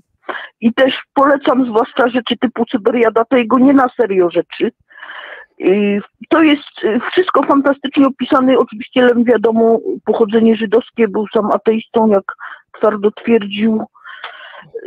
Lema po prostu trzeba czytać. Mamy rzeczy, które są no, dla nas ateistów bezcenne, tylko może jakoś tam zapomniane. I to jest podstawa, ja przypuszczam, że tą obie z siostrą tak twierdzimy, Lem nas wychował na ateistki, no. I Także wszystko, no najbardziej powiedzmy rzeczy typu kobyszcze, bo to jest no chyba takie sztandarowe. I oczywiście te wszystkie jego y, rzeczy jakieś tam no, bardziej filozoficzne też, bo to ciężkie są, owszem ciężkie, ale to się wszystko no warto czytać. Mhm. No tyle chciałam, tyle chciałam powiedzieć, mhm. Y, że, że mamy dobre, mamy dobre, dobre książki, tylko trzeba po prostu do nich dotrzeć. Ja mogę w podpisach dać, powiedzmy, y, z tego wkleić tego, to jak Księżycowa z łaski, z łaski był bardzo znany. Y, to jest stara książka, ja ją czytałem jeszcze chyba w przedwojennym wydaniu. Bardzo nie wiem, czy to było teraz wydawane. Natomiast Lem, no, to w zasadzie wszystko Lema. Wszystko, co, co napisał Y, poza tym Lema się fantastycznie czyta, on jest y, po prostu y, bardzo taki, no, przyjemny w czytaniu, prawda? Bo tam na Żułowskim tam są te młodopolskie takie izmy, prawda, takie jakieś coś. No to tyle i dziękuję bardzo. Dzięki śliczne. Właśnie miałem Cię prosić, zostaw pod odcinkiem na przykład w komentarzu albo na naszej grupie na Facebooku. Tak, tak. Ja książek, to, ja które to dzisiaj wymieniłaś, które polecasz. Tak, tak. to brzmi jak taka bardzo fajna ja mam, ja mam, science fiction filozoficzna. Ja mam w tej chwili, ja mam w tej chwili yy, problem sprzętowy, że tak powiem, a drugi laptop w tej chwili czeka na uruchomienie i yy, może być troszeczkę trudno. No. Poza tym skandynawską klawiaturę i też yy, potem wstawiam mozolnie te polskie znaki. No. Jasne, rozumiem. Dobrze, to Nasz dziękuję. Będzie I pozdrawiam wszystkich ateistów. Także jak już będzie sprzęt, no, to, no. dorzuć, dorzuć listę no, książek. Dobrze. Dzięki śliczne. Dobrze, dziękuję. Dzięki. I bibliotekę możemy sobie poszerzyć. Dziękujemy za poleconko. Um, teraz zobaczmy, co tam było na czacie. Dziękujemy już za, za telefony, to był dzisiaj ostatni. Gosiu, abstrakcyjny Łukasz pyta, a widzisz, tu cię mamy, gościu. Najpierw dzwoni telefon, a teraz mówisz o teleewangelistach. Przypadek? Y, nie sądzę. Czy my jesteśmy teleewangelistami, Lechu? Czy jest coś takiego jak teleateiści? Teleewangel... Nie, nie, nie wyjdzie mi zbitka. No może, może takie może programy tak. to pionierzy teleateizmu, nie wiem. Nie wiem, dajcie znać w komentarzach, czy istnieje w ogóle takie pojęcie. E, dobra, to na pewno różni nas od nich e, zasób budżetu, ale kto wie, może, może kiedyś role się odwrócą. Mhm. E, kolejny wątek z czatu. KBM pisze, kotek chce się wypowiedzieć, proszę przekazać telefon. Wiesz co, próbowałem, wypychałem go do przodu, skoro ma takie parcie na szkło, ile tylko mogłem. Nie wiem, czy było słychać, jak mówił. U mnie czasami to słychać. Mam nadzieję, że nie przeszkadza to w odbiorze programu. Mhm. E, pyta o, o komentarz. Izakot pisze, ale po co tracić czas i energię na jakieś religijne rozkminy o gościu, który nie istniał w takim wymiarze, o którym opowiadasz? Nie bardzo rozumiem, jaka idea przyświeca temu kanałowi. To chyba pytanie do Twojego prologu.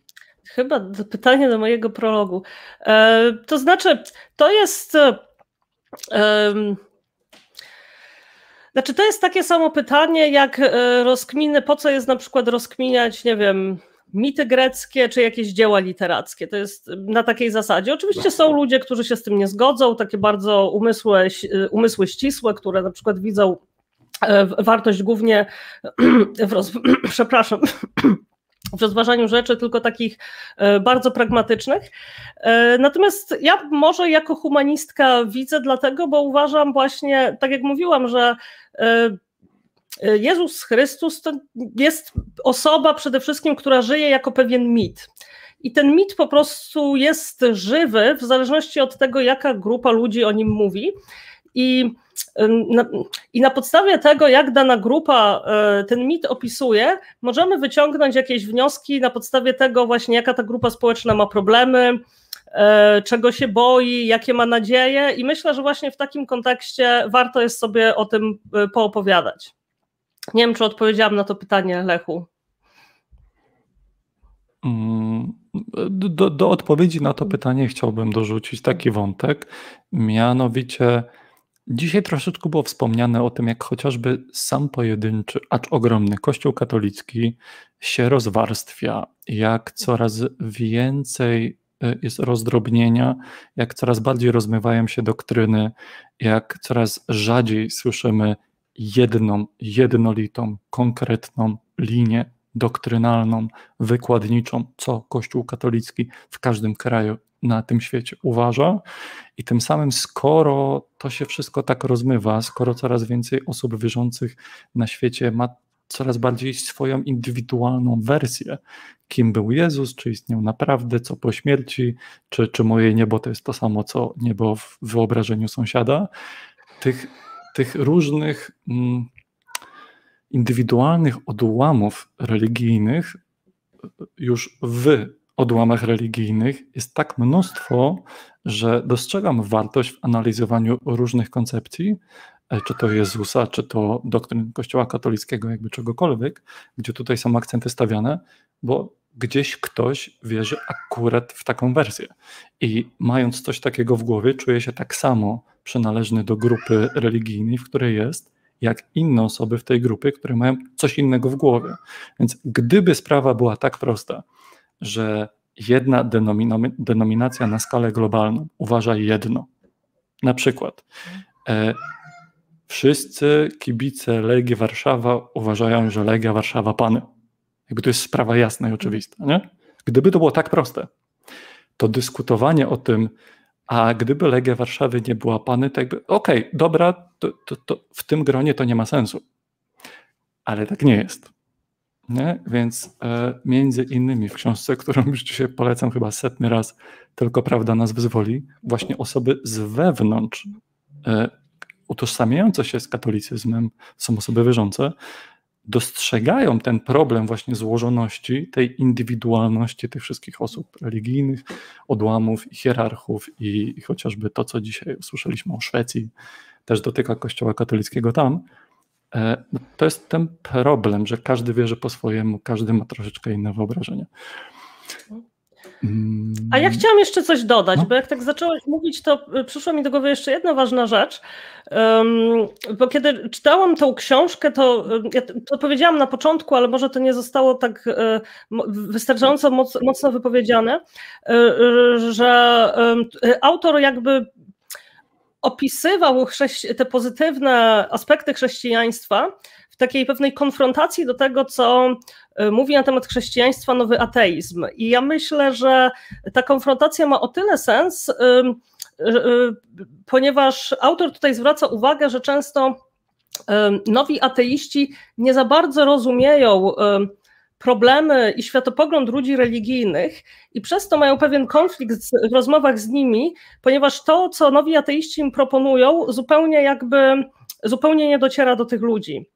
I tak właśnie dlatego on zwracał uwagę na ten e, aspekt chrześcijaństwa, który jest właśnie kierowany na przykład do ludzi wykluczonych, do ludzi jakichś, nie wiem, pominiętych, skrzywdzonych, bo często właśnie ta um, narracja nowych ateistów, która jest taka bardzo, bardzo neoliberalna, ona w ogóle, w, ogóle nie trafia y, do ludzi, którzy są z marginesu społecznego. I ja myślę, że zauważenie tego, że oni mówią innym językiem, jest też bardzo ważne, żeby właśnie wznowić jakąś komunikację między tymi grupami. Mhm. I łączy się, łączy się ten wątek, myślę, z kolejnym komentarzem.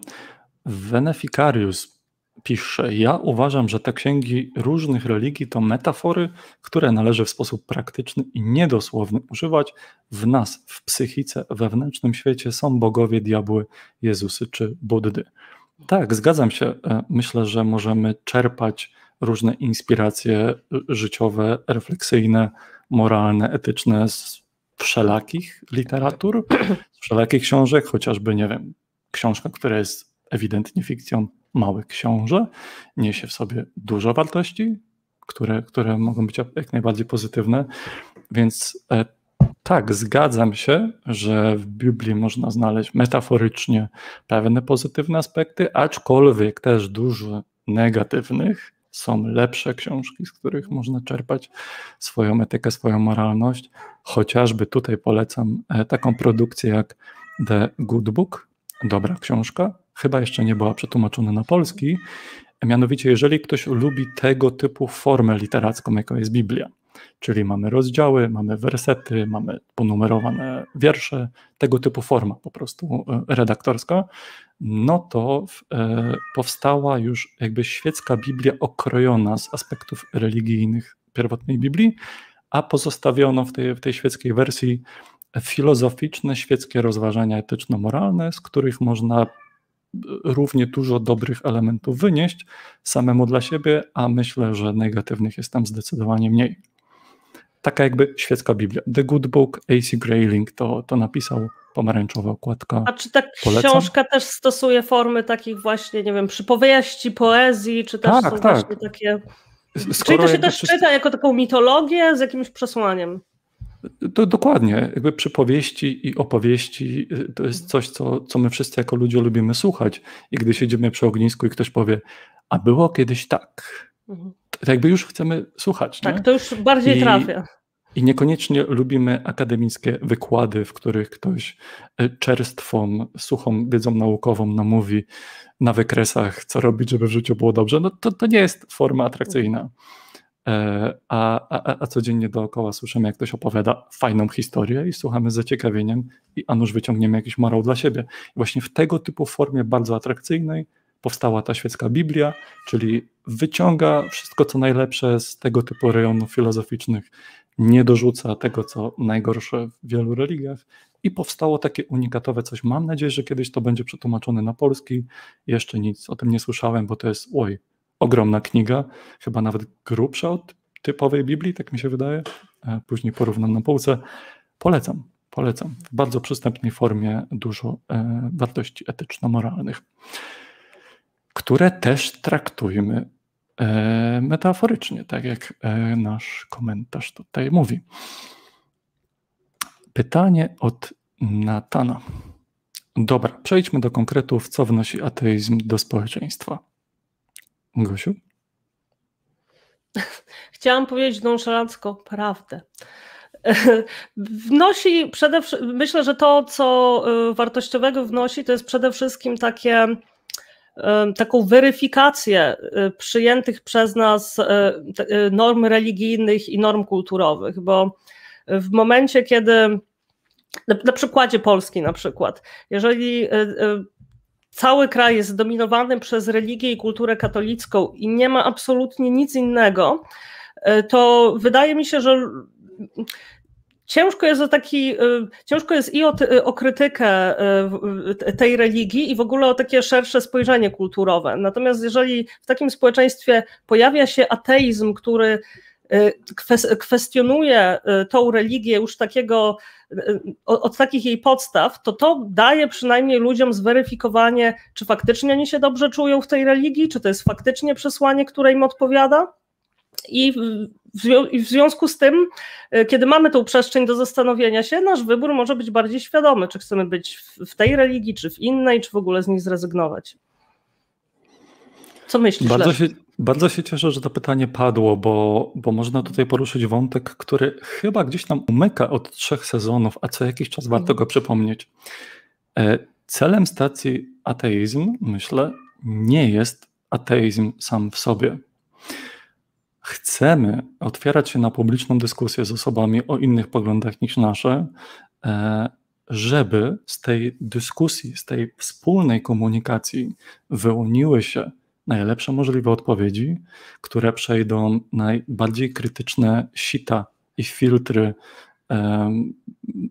jakby komunikacyjnej, metodologii naukowej, szukania, nie wiem, sprzeczności wewnętrznych, błędów logicznych, cokolwiek zostanie na końcu, myślę, będzie wartościowe i dla nas, i dla dzwoniących, i, i dla wszystkich oglądających ten program.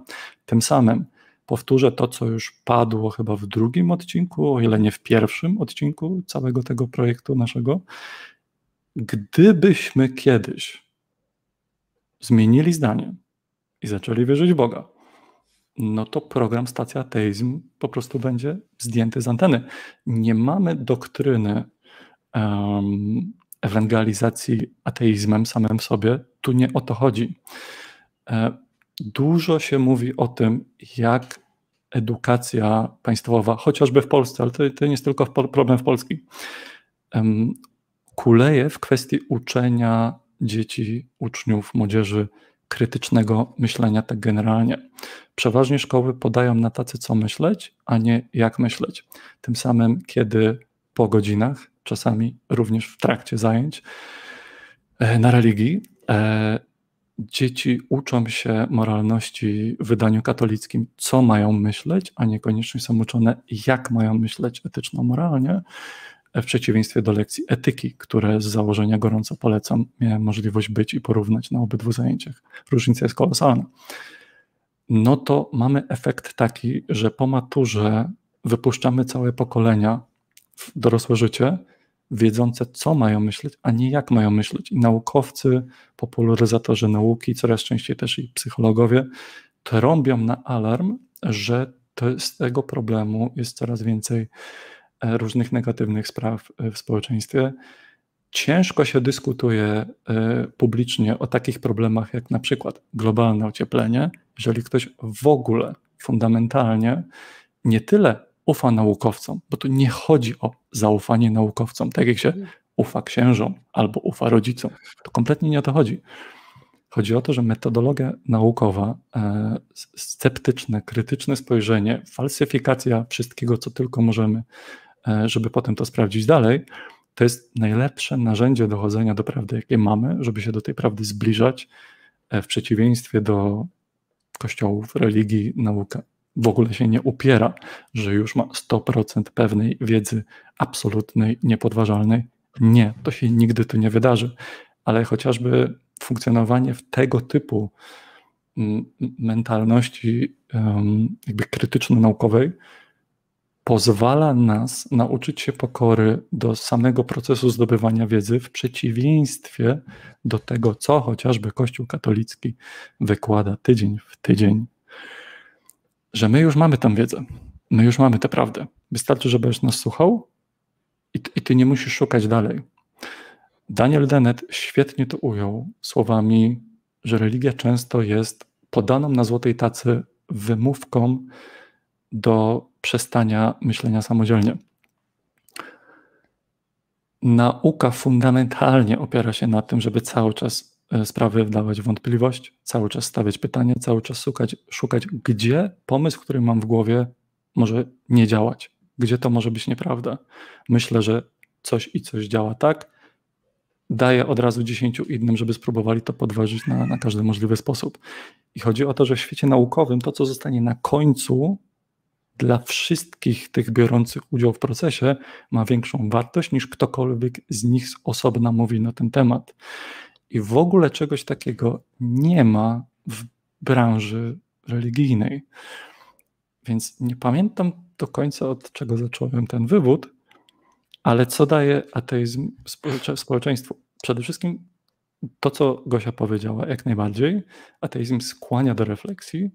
Jednocześnie ja osobiście nie utożsamiam się z ateistami, a są tacy, którzy ewangelizują ateizmem wszystko, co się rusza i jak im się urodzi dziecko, to to dziecko musi być ateistą, bo to jest cel sam w sobie i tak musi być. I jak nie będzie ateistą, to się, nie wiem, wyrzeknę dziecka w testamencie. Nie wiem, no dla mnie to jest czysta abstrakcja. Tu nie o to chodzi. Samodzielne, krytyczne myślenie poszukiwania jak najszersze, jak najdalsze we wszystkich księgach religijnych, we wszystkich doniesieniach naukowych, we wszystkim tym, co wiemy o pochodzeniu człowieka. Byłoby super, gdyby dzieci już od urodzenia, od szkoły podstawowej potrafiły na lekcji religii Mam nadzieję, że to kiedyś zniknie ze szkół. Przez gardło mi to nie przychodzi. Na lekcji religii słyszą jedną wersję, skąd się wziął człowiek na Ziemi, a na lekcji biologii, mam nadzieję, słyszą zupełnie inną wersję tego, skąd się wzięli ludzie na Ziemi. Te wersje są kompletnie sprzeczne i nie do pogodzenia ze sobą. Więc co ma takie dziecko w fazie, kiedy mózg w ogóle się jeszcze kształtuje, kiedy ich tożsamość się kształtuje? Co, co to dziecko ma wynieść ze szkoły po 15, jak wraca do domu, to jak to jest z tym człowiekiem? Pyta rodzica, a rodzic w swojej szkole też miał te same problemy, tak samo nie wiedział, jak to pogodzić ze sobą. I dopiero myślę, od kiedy internet rozprzestrzenił się na cały świat, co mnie bardzo cieszy w tym temacie, dopiero teraz, od, od najwcześniejszych lat, dzieci dostały narzędzia weryfikacji tego, że ksiądz mi powie jedno, ja to sobie potem wpiszę w internet i potem mogę spytać, panie księdzu, ale taka i taka religia mówi inaczej, taka i taka religia mówi jeszcze inaczej, a w ogóle ludzie niereligijni, ateiści, to mówią w ogóle jeszcze inaczej. I niech te pytania trafią do tego księdza. Czy ksiądz w ogóle będzie potrafił konstruktywnie podjąć tego typu krytyczne, samodzielne myślenie? W przeważającej większości przypadków, jakie znam, księża nie, nie, nie są w stanie podołać tego typu bardzo prostym, logicznym pytaniom.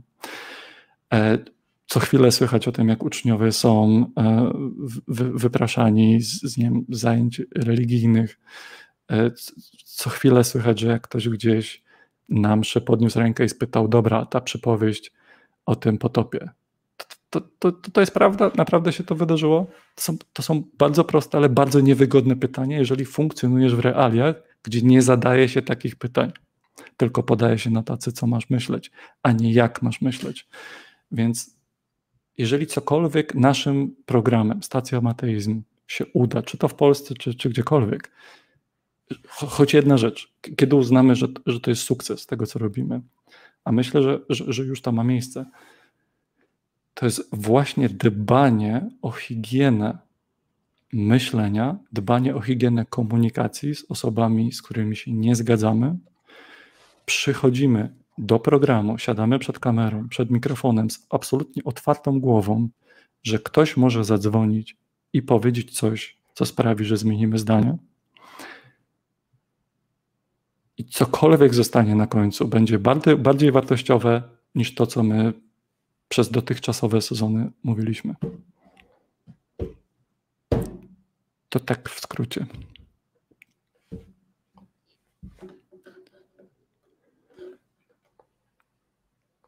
Chyba już jesteśmy po czasie, nie? Chyba już tak.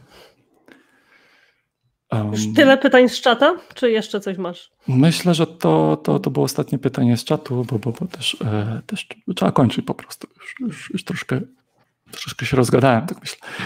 Możecie nas śledzić poprzez stronę www, YouTube'a, Facebooka, Instagrama.